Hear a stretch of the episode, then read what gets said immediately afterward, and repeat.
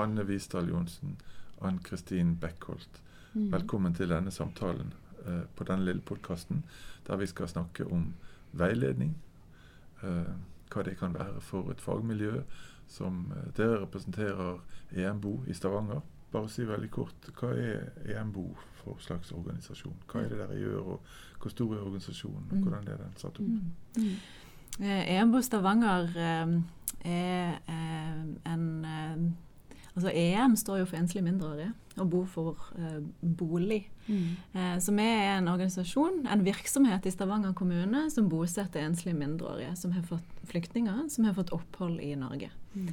Eh, EMBO, eller Stavanger kommune, begynte å bosette enslige mindreårige i 89, eh, som er en ganske, har en solid eh, historie og erfaring og bakgrunn med å bosette enslige mindreårige flyktninger. EMBO uh, fikk sitt navn EMBO i um, 2011. 2011.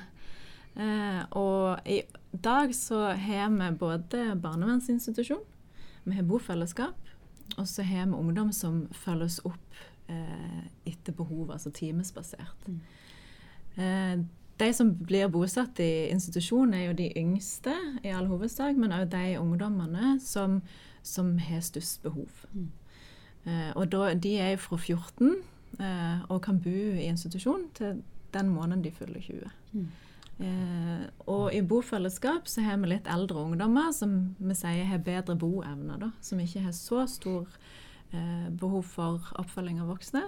Eh, og som, som, klarer seg bedre i, i hverdagen, med f.eks. matlaging, mm. komme seg på skolen og lekser. Og, okay. og så har vi de som eh, blir bosatt inn i eh, det som vi kaller for oppfølgingsteamet.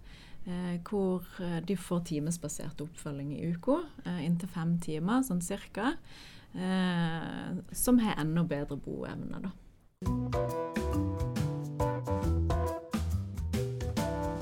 Dere har vært med på et kompetansehevingsprogram.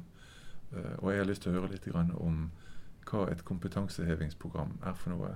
Det som dere har vært med på. Hva har det bestått av? Hva er det for noe? Mm. I um, eh, 2015 så tok vi kontakt med RVTS, for vi hadde hørt om uh, dette kompetansehevingsprogrammet innenfor traumebevisst omsorg. Og vi hadde lyst til å sette i gang det hos oss mm. i EMBO. Eh, fordi vi så et behov for en mer samla faglig plattform. Eh, og altså mer kunnskap innenfor eh, traumefeltet og dette med traumebevisst omsorg. Eh, så da tok vi kontakt med AOTS eh, Vest og, og Espen.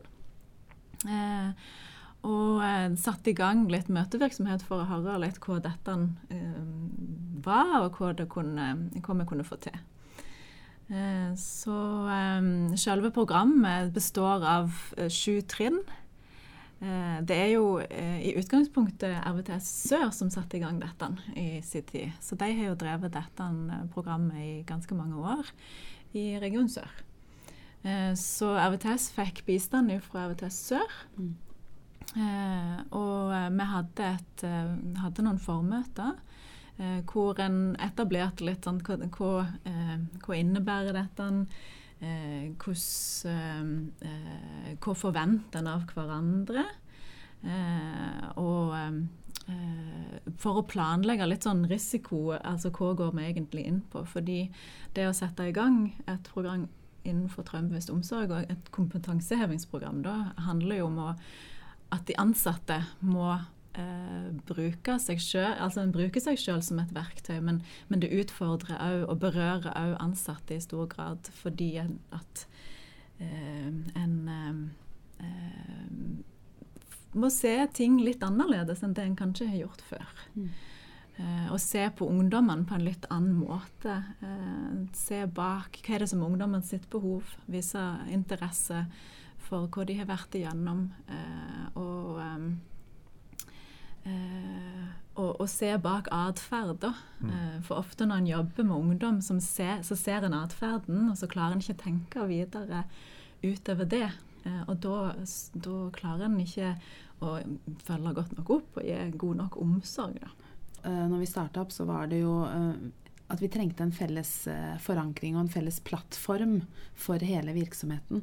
Eh, de syv punktene det starta jo først med, som Hanne sa, eh, at vi hadde et formøte der vi forankra det i ledelsen. Det, RVTS Vestå var veldig opptatt av at vi skulle forankre det i ledelsen. Alle skulle være med på det. Vi satte opp at uh, for å gjennomføre det, så må det være obligatorisk. Og det innebar også at vi måtte ha med oss tillitsvalgte som kunne se litt på arbeidstider til ansatte som jobber turnus. Når kan vi ha samlinger? Hvor? Hvor mange samlinger? Uh, det var en del teoretiske samlinger. Fordi for å få eh, grunnforståelsen til traumevis omsorg, så måtte vi ha den teoretiske forankringa. Så vi starta først med eh, hva traumer er, mm. og moderne traumeforståelse. Eh, og da snakker vi om undervisningsdager? Undervisningsdager, mm. ja. Okay. Så i løpet av to år så hadde vi eh, Hvor mange samlinger hadde vi? fem samlinger. Mm. Okay. Ja. Mm. Og inni de samlingene hadde vi også Vivat. Ja. Sånn at alle ja. var med på et Vivat uh, to dager. i livet. selvmordsfare. Ja. Ja. Mm. Så vi hadde den teorien med traumeforståelse. Og så har vi hatt uh, organisasjonskultur, som straks over to dager. Så hadde vi også en dag om kultursensitivitet. Så var det to dager med Vivat. Og så hadde vi sekundær traumatisering på slutten. Mm. Og når de samlingene var over, så satte vi i gang veiledning.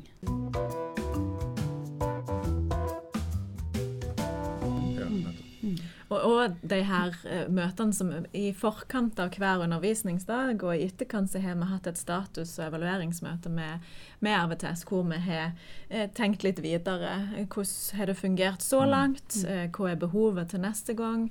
og hvordan jobber vi videre med dette? Så der har vi mm. jobbet tett med, med RVTS Vest. Men så har dere gjort noe etter mm. dette også. Mm. Uh, si litt om det. Mm. Altså i, eh, I, etterkant uh, av de undervisningsdagene og hjemmeleksene så var vi avhengig av at vi, at vi fikk inn veiledning. At vi hadde ekstern veiledning. At ikke det var oss fagledere, men at RVD, RVDS kunne bistå oss. Så vi bestemte at de skulle komme ned og, til Stavanger og ha tre veiledningsdager på 90 minutter per eh, botiltak. Eh, der eh, de skulle levere inn caser på hva som var utfordringer. Og da kan det gå på utfordringer for personal eller utfordrende ungdomssituasjoner. Mm. Og så skal man ha veiledning og snakke om det i et TBO-lys. Hvordan eh, jobber vi med ungdom som har den, det og det uttrykket? Eh, og hva gjør det med oss voksne? Mm. Hva, hva, slags type caser var det dere fikk? En case kan gå på at uh, personal uh, ikke er uh, At de er delte i det med å forstå traumebevisst omsorg. Én mm. har kanskje lyst til å gi en ungdom en konsekvens på at han ikke har eh, gått på skolen eller stått opp eller gjort det han skal, mens en annen har lyst til å gi omsorg på en helt annen måte. Det har vært en case. Eh, andre caser har gått direkte på ungdom som har eh, hatt utfordrende atferd. Eh, ofte så har man jo sagt ok, vi har en utagerende ungdom. Eh, hva gjør vi eh, når en ungdom kaster noe i veggen? Og så har vi prøvd å snu det til er det utagering, eller hva er faktisk uttrykket og smerteuttrykket til ungdommen? Hvordan skal vi se det? Mm. Så mest konkrete ungdomssaker.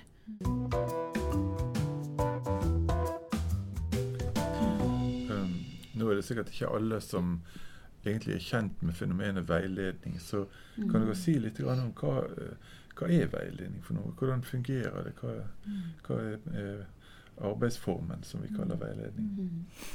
Det, det, med veiledningsbegrepet er jo sånn, eh, et litt utfordra begrep, da, fordi en eh, Sånn som jeg ser det, så misbruker en det til en viss grad og eh, kaller veiledning eh, Alt som handler om et, et møte hvor en samles, blir veiledning. Eh, men veiledning er jo en, en selvstendig metode da, som en bruker. Eh, og det som jeg har fått litt tilbakemelding på eh, veiledning med RVTS, er jo det at men, men, de kommer jo ikke med svaret. Vi vil ha svaret. Vi vil vite mm. hvordan vi fakt, Hva skal jeg si til ungdommen? Hva skal jeg gjøre? Eh, og det blir jo en litt sånn misforstått opplevelse av hva veiledning er, eh, tenker jeg. Eh, veiledning handler jo om eh, at en har noen som leder en prosess eh, hvor de som er med i veiledningen, skal komme til svaret sammen. Eh, og, og, det kan nok være litt utfordrende for ansatte å forstå, fordi en ønsker som sagt et svar. En ønsker fasiten på hvordan, hva en skal gjøre. Eh, men en ser det hvis en klarer å sitte, som veileder da, klarer å sitte i den og stille de undrende spørsmålene. Få eh, de ansatte til å undre seg høyt og reflektere. Så kommer de som regel fram til gode løsninger. Eh, og det er jo, jeg tenker det, det er en vellykka veiledning når, når, de sammen kommer fram til svaret. For det har en større tyngde på sikt enn hvis det er noen som bare sitter og forteller hva en skal gjøre. For en må eie det sjøl. En må eie løsningene sine sjøl. Mm. Uh, selv om uh, så, så, jeg tenker det, det, det, som er viktig når en skal inn og veilede, er jo å avklare litt forventninger. da. Hva forventer en av, av, den enkelte deltaker inn i veiledninga, hva forventer en av veileder, og hva er begrensningene, f.eks. Og det, det, var kanskje det vi ikke gjorde når vi gikk i gang med veiledningene etter uh, dette løpet, mm. så avklarte vi nok ikke nok forventninger til hva eh, veiledninga med RVTS skulle være. For mm. ofte så satt de da med at ja, men de ga oss ikke noen konkrete eksempler på hvordan vi kunne løst dette. Mm. Og så glemmer de å se hele prosessen med at de faktisk har diskutert ok, hva er det som faktisk ungdommen gjør. Hva gjør dere eh, voksne når ungdommen reagerer på det og det viset? Hvordan møtte dere den? Hva kan mm. dere gjøre mm. som en løsning? eh, prøve neste gang. Mm. Eh, fordi at de vil ha de der konkrete. Mm. Eh, og det har gjort at vi som fagledere vi har begynt å lage litt mer konkrete eh, øvelser. Som vi ikke nødvendigvis vil kalle veiledning, men, mm. men det kan f.eks. være en tabletop-metode der vi, vi, lager en case og, og, drøfter den i lys av traumevis omsorg. Mm. Men mer med spesifikke eh, oppgaver, da. Mm. mm en, eh, en veiledningstime. Mm. mm. Og tabletopet kan bare si det, mm. for uh, det er jo en simulasjonsøvelse mm. hvor en, en, presenterer en case. Dette skjer, du er på jobb, mm. du står der. Hva gjør du i den mm. gitte situasjonen? Nettopp.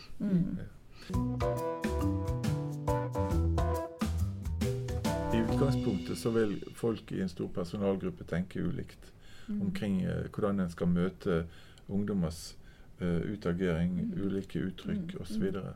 Eh, er det noe dere har gjort i veiledningsprosessen som uh, dere kan se har brakt mer av en enhetlig forståelse inn i faggruppen eller inn i personalgruppen? Mm.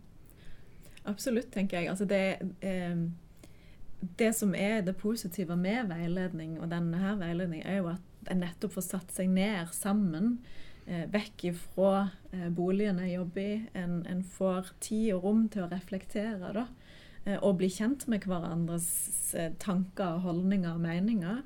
Eh, og da blir en eh, Målet må jo være at en skal bli samkjørte, da. Mm. Ikke det at en nødvendigvis skal tenke likt i alle situasjoner, men i alle fall komme til en enighet at OK, dette Eh, er det vi må gjøre i, med tanke på den ungdommen. Eh, sånn her må vi møte den ungdommen for at eh, han skal eh, få dekka de behovene han har. Eh, for eh, når man ikke får tid til å sette seg ned sammen, så vil en kanskje sprike til ulike kanter og gjøre ulike ting som fører til uforutsigbarhet for ungdommen, eh, kanskje konflikt mellom personal. Ungdom setter personal opp mot hverandre. Mm. Så jeg tenker Det er jo det som eh, er hensikten med veiledning, å komme sammen og mm. enes om, mm. om noe. Eh, og så er det jo sånn at det er jo ikke alltid alle er enige. Men har en kommet fram til noe i fellesskap, så må en følge det. Ellers så kan en jo mm. da, da raser hele korthuset mm. sammen. da. Uh, vil, vil, dere si at dere ser at Eh, at dette er blitt mer av en virkelighet i organisasjonen enn det det var tidligere. Altså at folk faktisk klarer å reagere traumebevisst på ulike utfordrende situasjoner. Ja, ja absolutt. De, eh, sier jo mer at nå ser de ikke ungdom som manipulerende. Okay. Nei, de ser heller bak eh, atferden. Mm. Og hva er det et uttrykk for? Mm. Eh, og det vil jo så hver gang de har ungdommer som de ikke helt forstår, så vil de òg automatisk òg spørre kan vi få veiledning. Og det syns jeg er bra, fordi at vi har kommet såpass langt at de kan henvende seg til oss i faglederteamet. Eh, I tillegg så har vi også en psykolog eh, som jobber 50% i EMBO, sånn at vi kan drøfte saker og se hvem er det som kan bistå med veiledning. Sånn at vi, ja, vi har blitt mer bevisst, og vi snakker et mye mer felles språk som handler om at ungdom har det vondt pga. de opplevelsene. Mm. Og ikke bare er en irriterende ungdom, som vi ofte Mm. ville tenke før. Mm. Mm. Så, så samla sett vil nok gruppa eller eh, virksomheten med å ha hatt veiledning og fortsette med veiledning eh, og ha begynt med traumevis omsorg, gjøre at vi vil jobbe bedre med ungdom.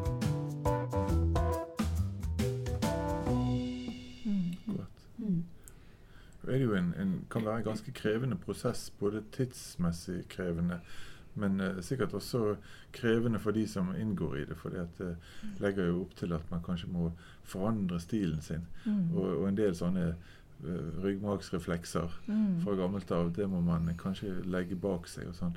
Så eh, vil jeg bare si at eh, er det verdt bryet for en stor organisasjon å gå inn i et sånt eh, arbeid som dette? Ja, absolutt. Vi, har, vi har reflektert litt over dette den, den siste tida. For vi har jo vært igjennom ganske store endringer sånn eh, organisatorisk sett, hvor vi har vokst eh, enormt, og så nå driver vi og bygger ned. Eh, men på tross av det så, eh, så ville vi ikke vært det foruten. Eh, vi ser at vi har fått en en- noe som er samlende, da. En, en, platt, en faglig plattform som er samlende for alle.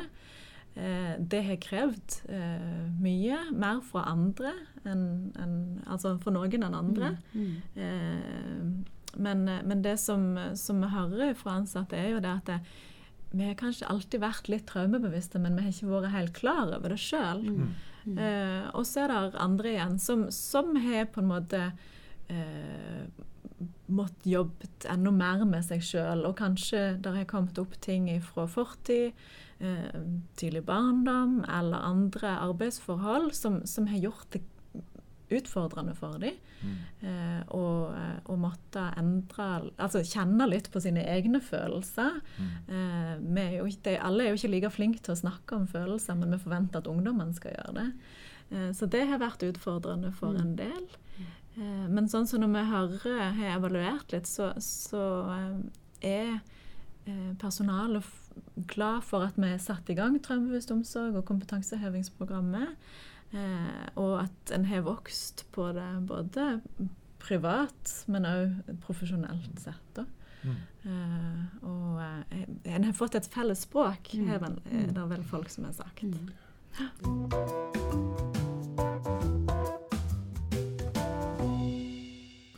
Um, nå er det gjerne ikke sånn at alle er like begeistret, alle i personalet er like begeistret for en sånn prosess. Så De som har vært kritiske og kanskje ikke syns de har fått så mye igjen for det, hva er, hva er det slags eh, argumenter eller tanker de har hatt om dette?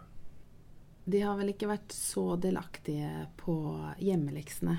Eh, har eh, vært mer opptatt av det med konsekven konsekvens og sagt at, at Trømbys omsorg det, det er blitt sånn at ikke vi skal gi noe Vi skal liksom ikke gi noe straff eller konsekvens eller eh, Ja, men skal ungdom få lov til å gjøre som de vil? Eh, og det er vanskelig, for når du har eh, noen i en personalgruppe som har lyst til å eh, straffe, da, Mm. fordi at de syns at vi plutselig har blitt for milde og, og, og, og gir for mye omsorg, så, så er det vanskelig for de som ikke klarer å, å snu det perspektivet og tenke at ok, eh, TBO er også eh, eh, en ramme for oppdragelse. Å veilede eh, ungdom i å ta de rette valgene og gjøre det som er bra. Så ja, vi har jo ansatte som må ta det valget om de skal fortsette å jobbe eh, hos oss, fordi at eh, det her er det vi skal jobbe innenfor. Og så har vi også kunnet tilby de litt mer, altså at de har fått litt flere, mer veiledning og, og fått litt mer støtte. Eh, I en personalgruppe så vil det være forskjeller. Eh, og det vil også det vil synes godt i en personalgruppe når, når, gruppa er delt og ikke jobber likt rundt en ungdom. Og det er derfor det er så viktig at de da har De lærer seg samkjøres og ha veiledninger. Mm. Eh, men ja, vi har jo ansatte som syns at dette her er eh, vanskelig og tar mye tid og Men sånn jevnt over på, det, på de fleste av oss, så er det jo at dette her er bra. Mm. mm. Vi, kan, vi, forstår ungdommene. Mm. Og, og, ungdommene det, Vi vet at det, ungdommene trenger trygghet. Mm. Det, det, er godt. Uh, ungdomsgruppa vår er jo, de er jo ungdommer som andre ungdommer flest, men de har uh, et større behov for kanskje å ha voksne rundt seg, for de har hatt uh, få voksne eller utrygge voksne eller hatt vonde opplevelser med voksne, sånn at de vil kanskje være mer med oss voksne mm. enn det andre ungdom vil. Og da er det så viktig at vi møter de mm. På en rolig måte og gir dem trygghet og den tillit. da, Og jobber mm. for at de skal få tillit til oss voksne også.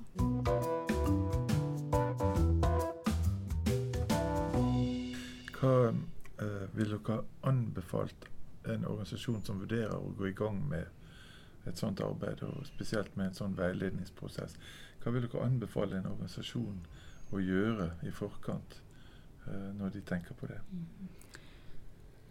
Det snakket vi jo litt om tidligere i dag også, for vi har hatt uh, evaluering av hele TBO-forløpet. Uh, å forberede stab og ledelse, og spesielt avdelingsledere, bedre uh, med grundigere på hva uh, traumebevisst omsorg er. Hva vil det si for virksomheten å starte med den kompetansehevingsprogrammet og få den forståelsesrammen.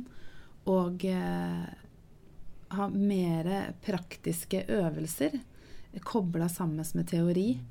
Og selvsagt også veiledning. Jeg tror ikke du kommer noen vei eh, hvis du bare skal ha teori og gå hjem.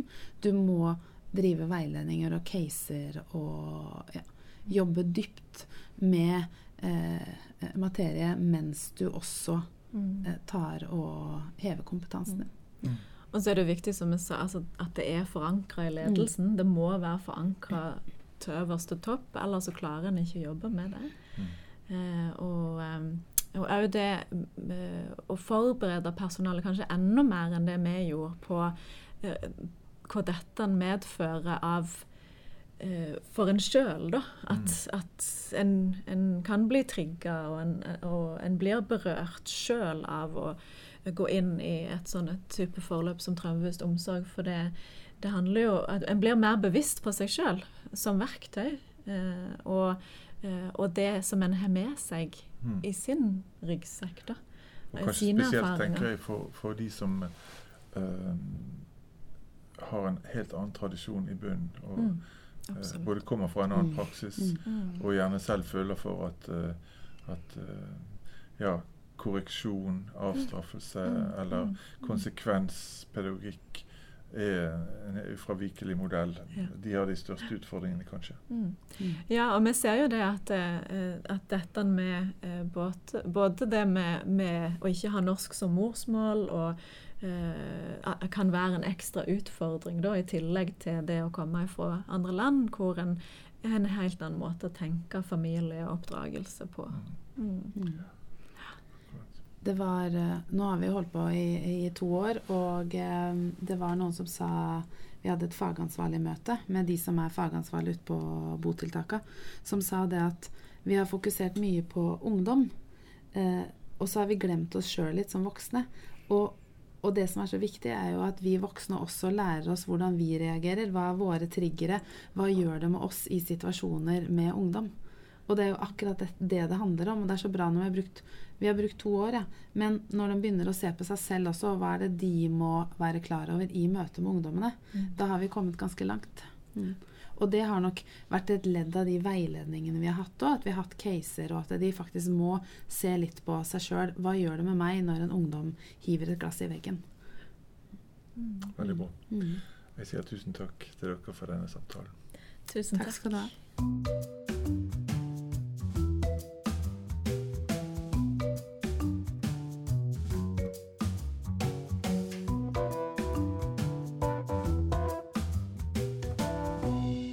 Denne podkasten er produsert fra RVTS Vest, ressurssenter om vold, traumatisk stress og selvmordsforebygging. Du finner flere podkaster på våre nettsider eller de stedene du vanligvis finner dine podkaster. Mitt navn er Reidar Tyholt. Ansvarlig for produksjonen var Sylvia Haukanes.